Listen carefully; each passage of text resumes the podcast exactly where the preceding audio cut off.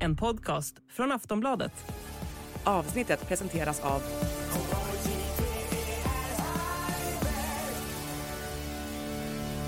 Stödlinjen.se, åldersgräns 18 år.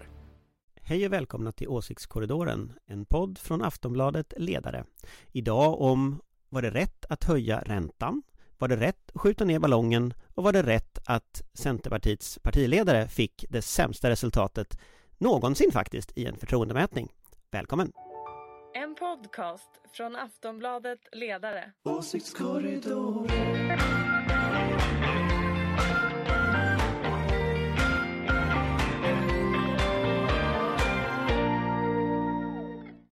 Hej och välkomna till Åsiktskorridoren.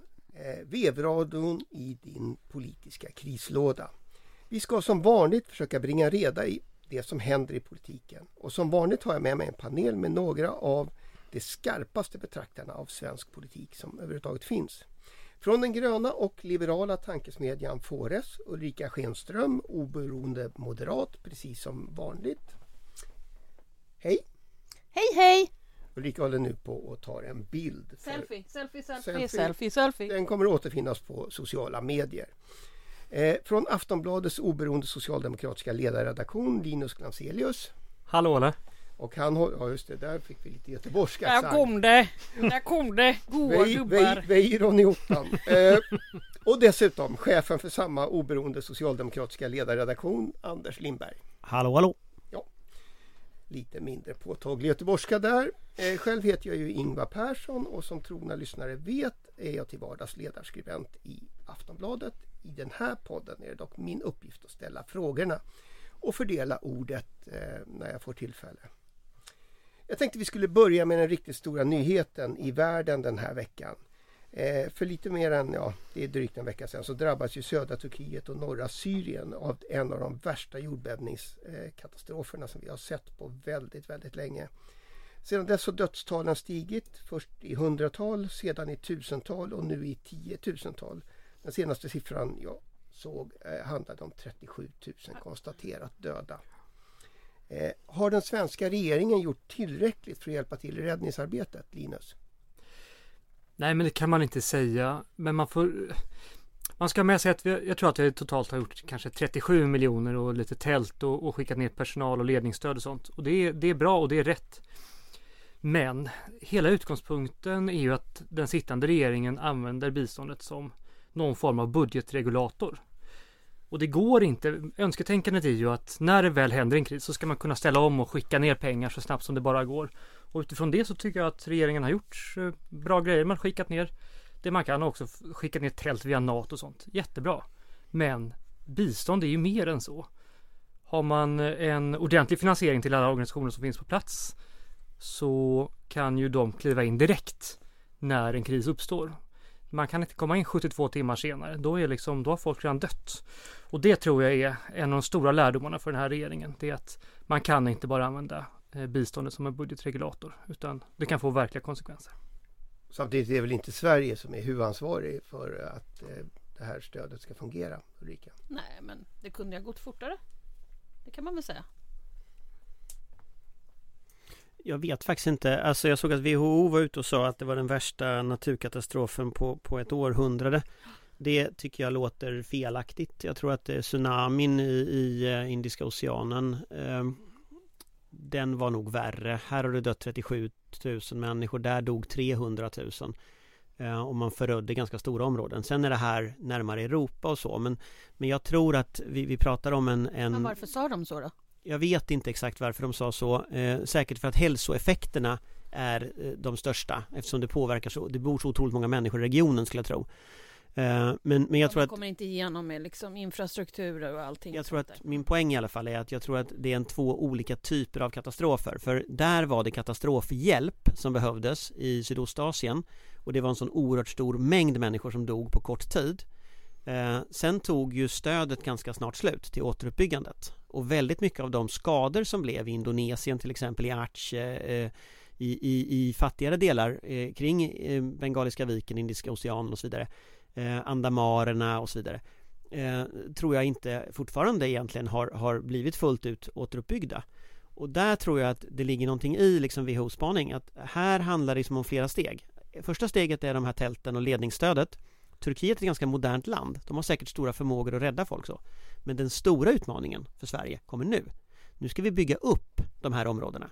Eh, och i Syrien, där man också behöver bygga upp. Så jag tänker att man behöver se det här långsiktigt. Och jag tycker att regeringen har gjort det bra. Jag tycker att det här var ungefär vad man kunde förvänta sig av Sverige.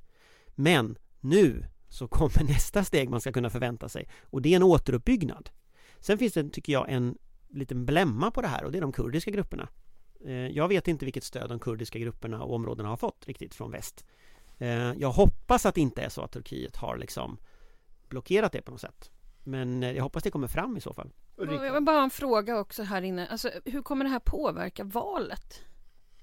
Alltså det lär ju påverka det turkiska valet, eller hur? Måste det ju rimligen göra. Det är ju väldigt mycket spekulationer om man ska ställa in valet eller så. Skjuta fram det har jag hört. Skjuta fram det, ställa in det och så vidare. Jag har inte sett några besked än om detta. Men en väldigt olycksbådande detalj är att han har ju utlyst undantagstillstånd i hela området i, i Turkiet.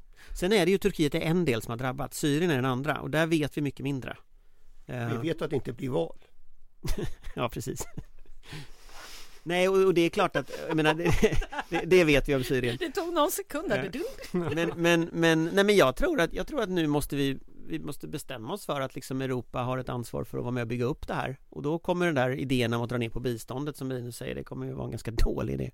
Men det är ju en sak, jag såg en rapportering här också om att precis mitt i epicentrum så var det liksom eh, en, en del eller en hel stad som i princip stod orörd för att där hade de inte fuskat med byggena. De har helt enkelt lärt sig hur man bygger ett fungerande samhälle och det är där ett, liksom en långsiktig version av bistånd kliver in. Bistånd är ju inte bara tält och, och första nöden liksom hjälp. Det är ju en, en nidbild vad bistånd eh, är. Så som Anders är inne på, jag tror att det, det är nu det verkliga stödet kommer behövas. För 37 miljoner kommer man inte så långt på. Jag tänker, nu, nu pratar vi om det här som bistånd och, och, och stöd. Eh, samtidigt är det väl också en fråga om krisberedskap. Eh, även om det här nu händer i Anatol eller på den anatoliska plattan eh, så vet vi ju att, att eh, jättestora jordbävningar också inträffar i till exempel eh, Italien eller, eller i Spanien. Eh, och vulkanutbrott historiskt. Eh, finns det en EU-beredskap för det här? Det finns ju en bättre EU-beredskap idag än för några år sedan eh, och en bättre samordning där man kan ropa på varandras resurser och använda gemensamt.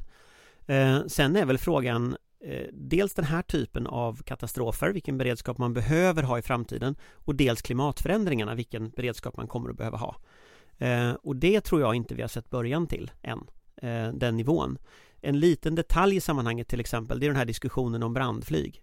Att vi ska ha liksom resurser för brandflyg som ska kunna fungera. Det tror jag snarare än liksom tält och, och, och eh, den typen av stöd vi har sett nu är ju liksom stöd inom den Europeiska Unionen. Uh, att liksom, och det kommer man att behöva bygga ut jättemycket mer. Där har ju länderna de olika resurserna uh, och så. Eh, men, men just att man har samordningsmekanismer och system för att kunna använda. och det tror jag alla behöver ha. Och det har man ju inte sett än. Vi lär få återkomma till, till ämnet och som sagt dessvärre, dessvärre så kommer ju dödstalen att fortsätta att stiga eh, dessutom. Eh, tillbaka till Sverige då. Eh, I torsdags meddelade ju precis som väntat den nya riksbankschefen Erik Thedéen att styrräntan höjs. Eh, kronan ska stärkas och inflationen bekämpas. Eh, samtidigt varnar allt fler för att åtstramningarna kommer att fördjupa lågkonjunkturen. Ulrika, har banken tagit i för mycket?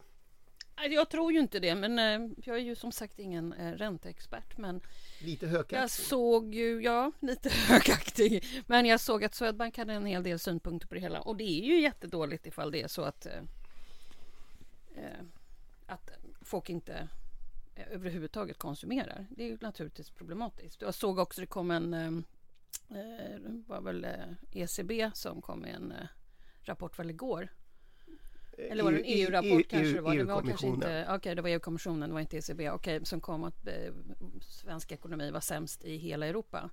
Och det är ju eh, inte ett sånt bra besked. Så att, eh, Ja, någonting måste ju ändå göras åt eftersom hushållen sitter och värper på sina pengar, de få som finns kvar. Minus, noll- minus 0,8 procents tillväxt nästa år och eh, varselsiffrorna för februari eh, pekar på 12 000 de första 10 dagarna. Eh, Linus, Men det, det är ju ett märkligt beslut. För den svenska riksbanken kan ju inte, hur mycket de än försöker och vill, påverka de tyska energipriserna.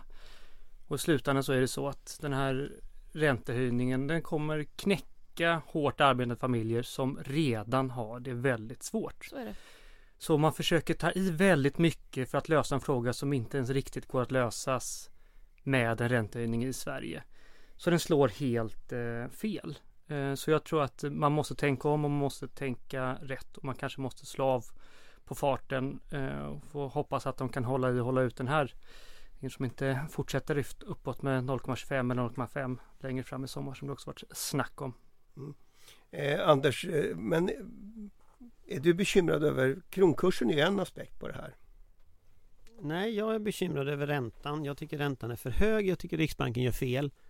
Eh, jag tror att det här är också en farlig retorik som man använder, att det här är någon slags nödvändighet nu som man, man har. Det kommer att öka arbetslösheten. Eh, det kommer att få liksom ekonomin in i en frysbox och det är skitsvårt att ta sig ur.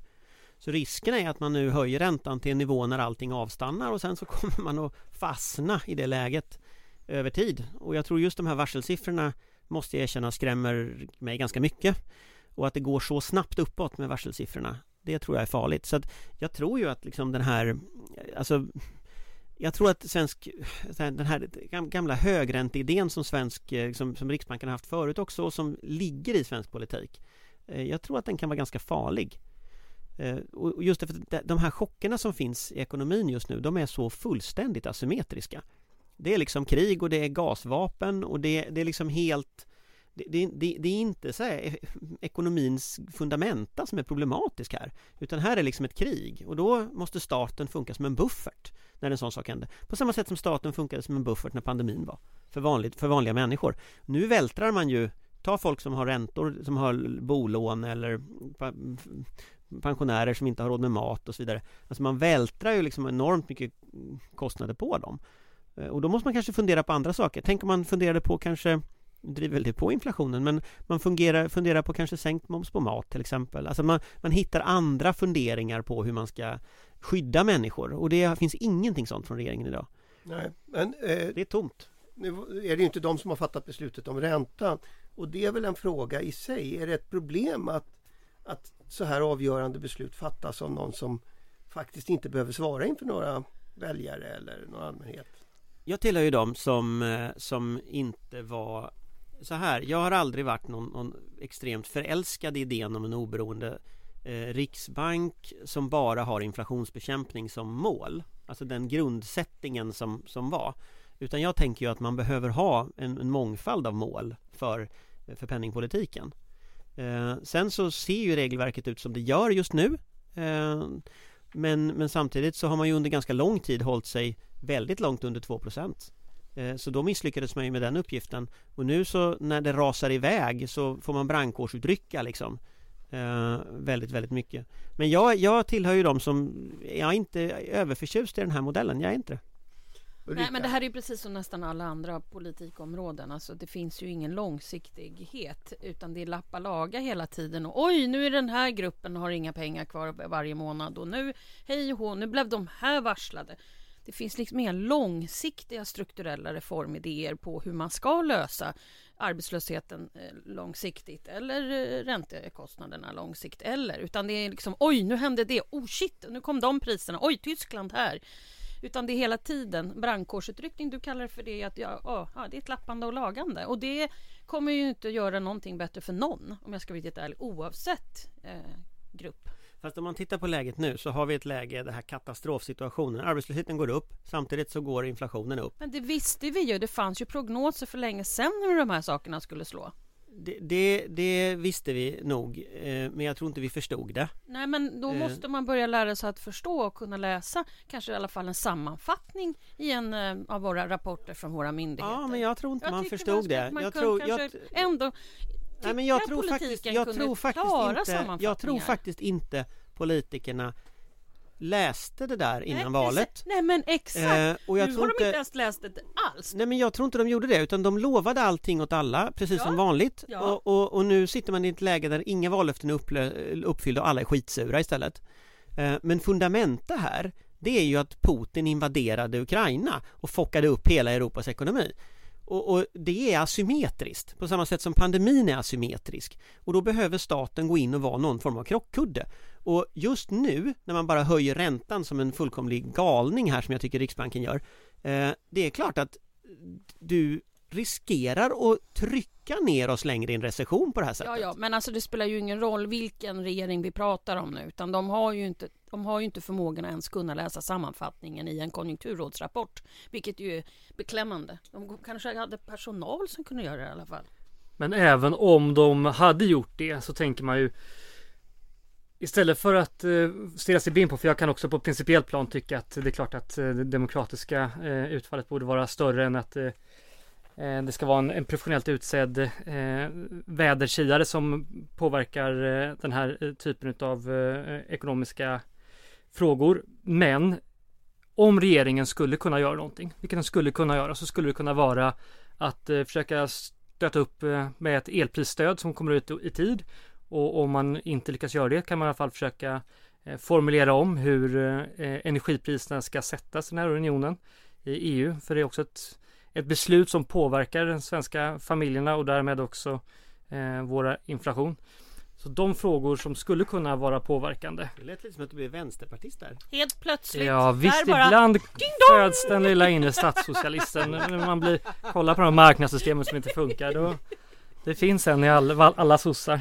Fast jag tror, jag tror, eh, dels så tror jag du har helt rätt i det, men dels så tror jag också att matpriserna, för du säger nu med el och drivmedel är en sak, men, men tittar vi på matpriserna och den, vad var det nu, 16-17 procent upp här, den har ju en fördelningspolitisk effekt som är fasansfull.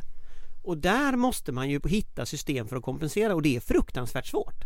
Och då kanske man ska också fundera, vi har ju varit inne på ledarsidan för att man ska splittra upp de här jättarna så man får en bättre konkurrens som ett första steg liksom, ICA och Coop och allt vad de heter. Eh, Att man splittrar upp dem, att man, de ja men att man skapar, nej, de heter väl Axfood också för det är bara tre. Lidl.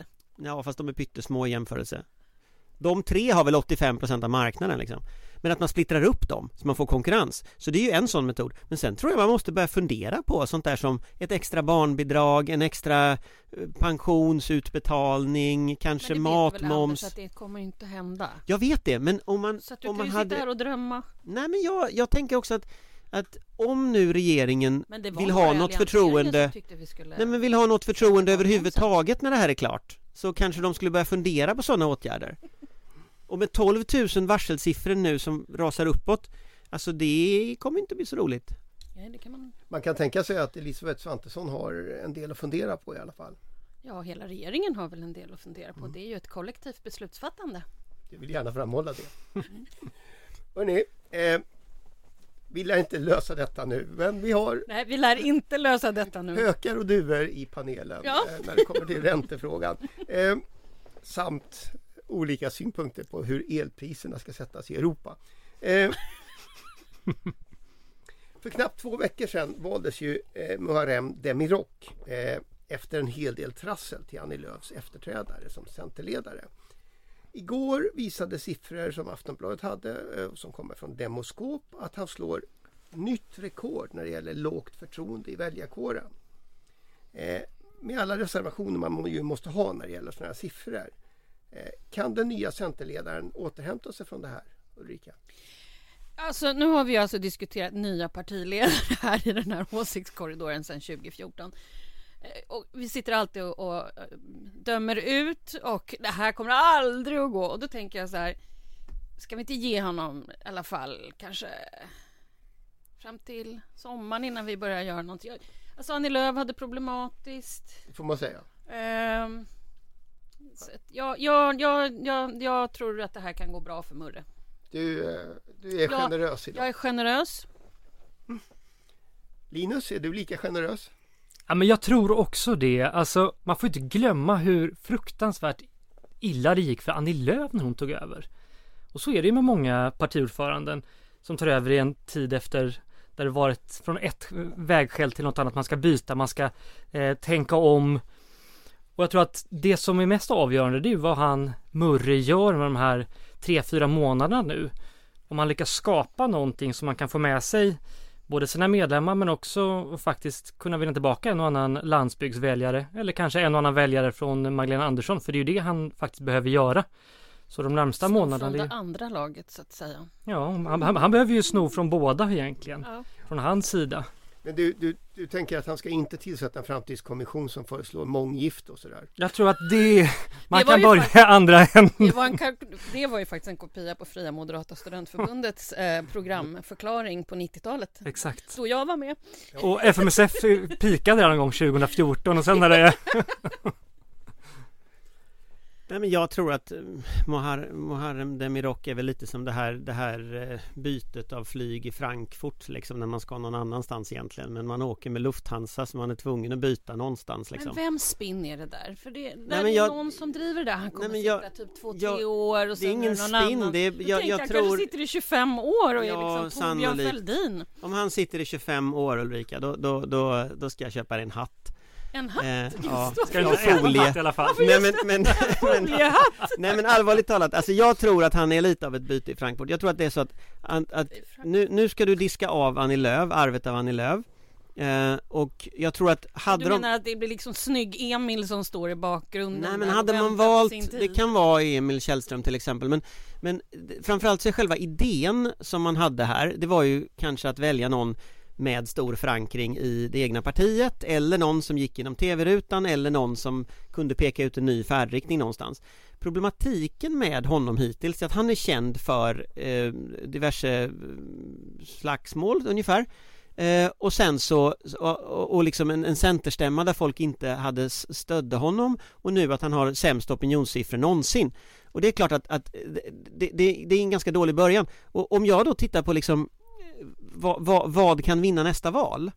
Så jag får en känsla av att det här är som den här kampanjen Det här är Lennart som Centerpartisterna hade. Vi kommer ihåg Lennart Daléus. Lennart Daléus som de valde och som den första kampanjen de hade det var en stor bild på honom med texten Det här är Lennart, för ingen visste vem det var och liksom på något sätt, det blir en sån här tillfällig lösning på väg till något annat Eh, Nu har, Men- snå, nu har Snåla-Anders fått uttala sig eh, och alla Och jag tänkte bara, jag sysselsatte mig med och, och, och kolla lite vad folk som har jobbat med honom tycker. Och då var det faktiskt ett tidigare moderat kommunalråd som skrev på Facebook här att han eh, om Murre bara fortsätter vara Murre så kommer det här gå jättebra. Så att folk som har jobbat med honom tycker tydligen att han är bra. Nej men och jag hoppas det också, jag tror de som jobbade med Lennart Daléus tyckte han var jättebra också men Gud, Men, kan, men, kan du inte bara fortsätta? men, men jag, jag tror, jag tror, ja men jag fick ju en fråga här. Alltså jag tror ju att, eh, ah, jag tror att den här stackars landsbygdsfalangen som Centerpartisterna hade med, med vad heter det, Daniel Bäckström och det gänget som var eh, Har en helt annan förankring i Centerland. Och, och jag tror att det var jag är inte så säker på att man valde Men han rätt ska ordförande tydligen ändå. vara falang kommun, kommun, kommunmaffian. Den har han ju. den Ja, och hans han första utspel var att han skulle prata med SD också i någon Dagens Industritext. Men sen har han också Ja, kommit med mig utspel om att han ska mycket Han ska oimponerad kan försöka jag styra säga. upp, styra upp skolan och jag tror att på tal om den här var om affischen.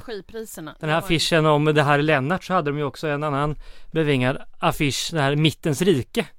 Det är en bild på en Ja, det är häck. fantastiskt. En otroligt bra, och jag- där någonstans tror jag faktiskt att Demirok kan, kan hitta någonting i Han skolfrågorna. hade också en affisch med texten ja till EU eller vad det var.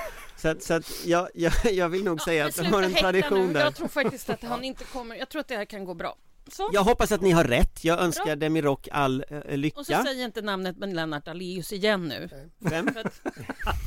Det är liksom så utstuderat Anders som man bara... Så känner man bara. Man, man, får, man får intrycket att han aldrig kommer att förlåta ett parti som har skrivit ja till EU. Nej. Nej, du kan ha en poäng där. Börja dra upp massa andra partiledningar istället. Hörrni, Ja. eh, Mm. vi rullar vidare. Vi lär få återkomma till Muharrem Demirok eh, med flera. Eh, idag på morgonen var, eh, presenterade LO en rapport som är helt eh, återkommande och den handlar om makteliternas eh, inkomster. Eh, jag konstaterar att man bland annat hittar Aftonbladets politiska chefredaktör eh, i sammanställningen. Jo, jo. Eh, det är därför vi ska prata om den här, så att Anders får prata om vilk, vilken, vilket, vilken nivå var han på? Eh, Nummer? Nej, det var inte riktigt numrerat på det sättet. Min, po- min poäng, eh, den där Låt oss prata om att Anders Ja. Lindberg är med i med i makteliten. makteliten. Mm. Eh, Ja, du säger Nu att sitter han och ler. Nu sitter han där borta och bara sitter och funderar på hur ska jag trycka till henne Ja, tillbaka eh, nu då? Det intressanta med den där rapporten är att siffrorna sträcker sig 70 år tillbaka och de senaste årtiondena har skillnaderna mellan makthavare, och som de definierar det, är det eh, 197 personer eller funktioner i samhället och vanligt folk bara blivit större. Eh, och det, som vanligt är det förstås eh, vad ska jag säga, det de kallar för ekonomiska makthavare. Ja. Direktörerna är de största bolagen som har tjänat jättemycket mer. Eh, I årets rapport tjänar de lite mer än 69 gånger en industriarbetarlön. Men också genomsnittet utav svenska makthavare hamnar på 22 gånger en industriarbetarlön. Spelar det där någon roll i samhället eller är det bara liksom avundsjuka som eh, bubblar upp när man tar upp det här, Linus? Ja, men det är klart att det spelar roll. Och det som spelar roll absolut mest, det är den dubbla standarden som vi har i Sverige. Om man är knegare, då ska man tjäna mindre pengar. Men om man inte tjänar pengar på att jobba själv, utan att investera andras pengar i någon stor fond eller något, något riskkapital, då behöver du hela tiden mer pengar för att göra samma jobb. Så det är liksom ett eh, en otrolig dubbel standard som används i Sverige och det märker vi inte minst nu när det är lågkonjunktur för dörren. Och de absolut rikaste ska fortsätta ha lönehöjningar och avkastningar på 20 procent och miljarder hit och dit medan vanliga knegare får reallönesänkningar. Så det allra värsta är egentligen inte att det finns skillnad, för det vet vi, det är att vi hålls till helt olika standarder. Vad tror du Ulrika? Nej, men alltså den här rapporten, ja, men det är väl jättebra att visa upp hur, hur snedfördelat det är och så vidare. Men man borde ju kanske tala om vad man ska göra åt det istället. För att man är ju delskyldig själv. Man sitter ju ändå och förhandlar. Parterna sitter och sätter lönerna. Så att eh, gör någonting åt de långsiktiga strukturella eh, problemen istället för att sitta här och, och gnälla över hur det ser ut. Gör något åt det då. Mm. Du tänker ställ högre krav. Ja men, ja, men om man har ett problem, kom med lösningen då. Anders?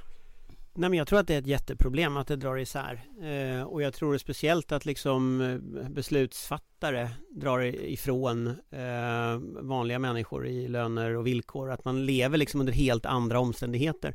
Och jag tror att orsaken till att rutavdrag är liksom en stor politisk fråga eh, och att fattigpensionärernas villkor inte har varit det historiskt. Det är ju naturligtvis för att väldigt många journalister eh, själva har utavdrag och, väldigt, och inte känner några fattigpensionärer. Eh, och, och det, liksom, det går från den mediala makten till den politiska makten till den ekonomiska makten. Och jag tror att det skapar också en grogrund för populism på ett sätt som, som eh, på något sätt det är ju väldigt ofta så här, Donald Trump är ju själv liksom den ekonomiska maktens yttersta exempel eller de här näringslivsmänniskorna som nu stödjer SD och då, då, liksom, då, då, då blir på något sätt också konflikterna i samhället, skillnaderna i samhället självförstärkande för att det ska bli mer skillnader i samhället. Så att det är en slags vad ska jag säga, självspelande piano det här med, med konflikter och, och ojämlikhet och, och så vidare. Och som bara ökar. Så jag, jag tror att det här är, jag tror att LO pekar på en extremt viktig del i det här.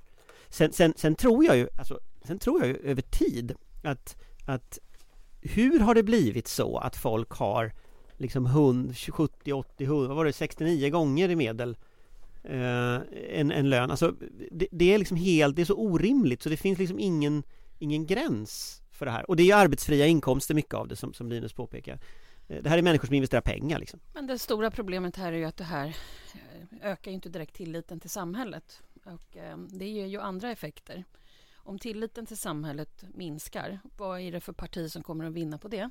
Jag vill bara berätta det. Och det är därför jag säger, gnäll inte. Se problemet, skapa, skapa Ja, lösningar. men jag har en lösning. ja, men det har inte Konfiskatoriska, LO. ja men det tror jag nog att LO har om du läser deras ekonomiska politik Jo, till men då exempel. kanske de ska presentera det i samband med att man De visar har presenterat det och det, det handlar till exempel det spelar om ju ingen roll, utan det måste du göra för att du får ihop en berättelse. Så här ser det ut, det här är vår lösning. Ja fast här är det ju faktiskt helt så att borgerlig politik Jo fast det är ju så att borgerlig politik förstör förutsättningarna för jämlikhet Finns det någon borgerlig politik? Ja det gör det tyvärr även en borgerlig regering budgetproposition? Det har Det inte har jag hög, sett. hög majoritet i riksdagen i 20 år. alltså problemet är ju att, att här, vad som är lösningen på detta är naturligtvis att, att beskatta bort de där miljardärerna Eh, varför är lyxbåtar skattefria medan, medan en, en, en undersköterskas lön hårdbeskattas? Liksom, hur tänkte vi ut den logiken? Liksom? Så det är klart att kapitalskatter... Inte det om i den socialdemokratiska regeringen då? Ja, alltså den socialdemokratiska regeringen delvis försökte, delvis regerade på en högermajoritet. Så att du får nog titta närmare hemma än att säga att det är sossarnas fel. Jag försöker bara reta dig. Ja, du lyckas. Mm, jag hör det. Nej men jag tycker faktiskt att det här är intressant att liksom man kan säga vad som helst om muslimer, om romer, om människor överhuvudtaget i vårt samhälle idag med retoriken det får man inte prata om. Men vad man inte får prata om på riktigt det är fastighetsskatt, det är förmögenhetsskatt, det är arvs och gåvoskatt, det är skatter på kapital, det får man inte prata om. Eh, så att, och det tycker jag man borde prata om. Jag tycker det här visar extremt tydligt varför man behöver minska liksom, inkomstskillnaderna. Och den stora frågan är... Eftersom panelen är överens om att man borde prata om de här sakerna. Eller hur? Mm. Nej, men jag kommer med en massa konkreta förslag. Ja, underbart, men du är ju inte LO. Du Nej. är ju Aftonbladet. Ja, det, där, det där har nog, det här har LO gått fram med ska sägas. Och fått och får vara med på listan. Ja. Där ja, finns för övrigt också LOs ledning och de andra fackförbundsledarna. Eh, ska jag säga.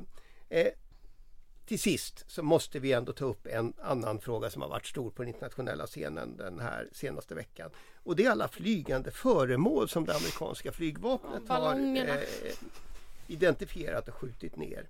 Eh, och amerikanska militären utesluter ju inte ens utomjordingar även om det väl inte är bevisat.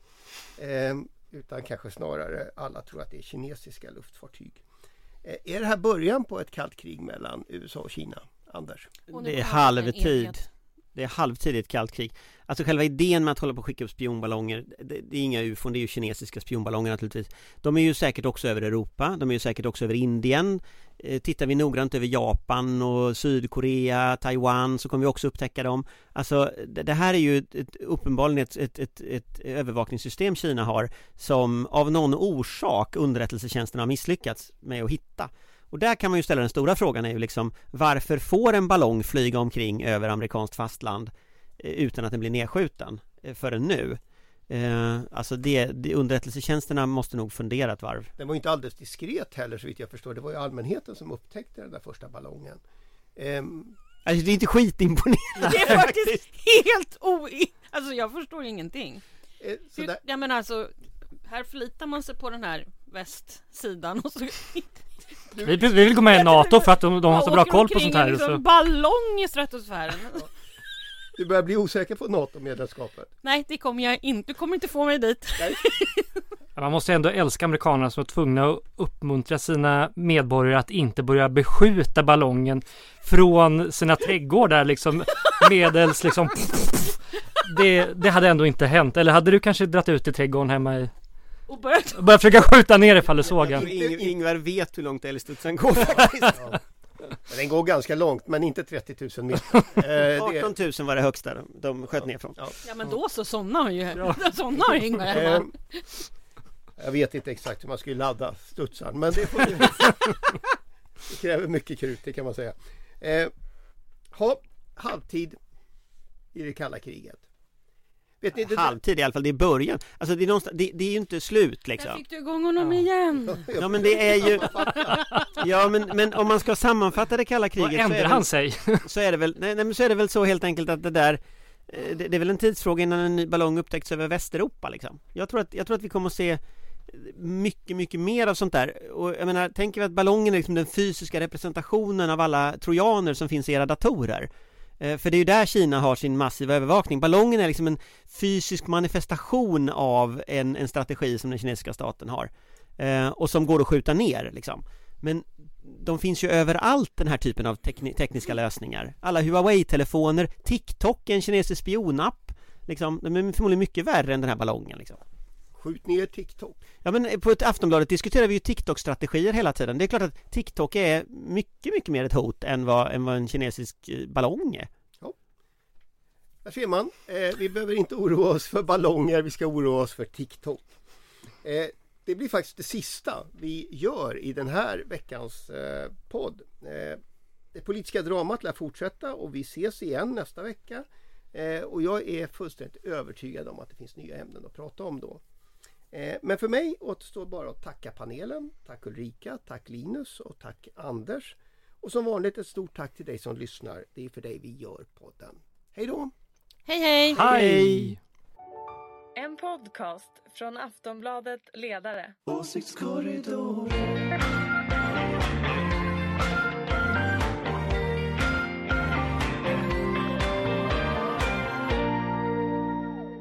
Du har lyssnat på en podcast från Aftonbladet. Ansvarig utgivare är Lena K Samuelsson.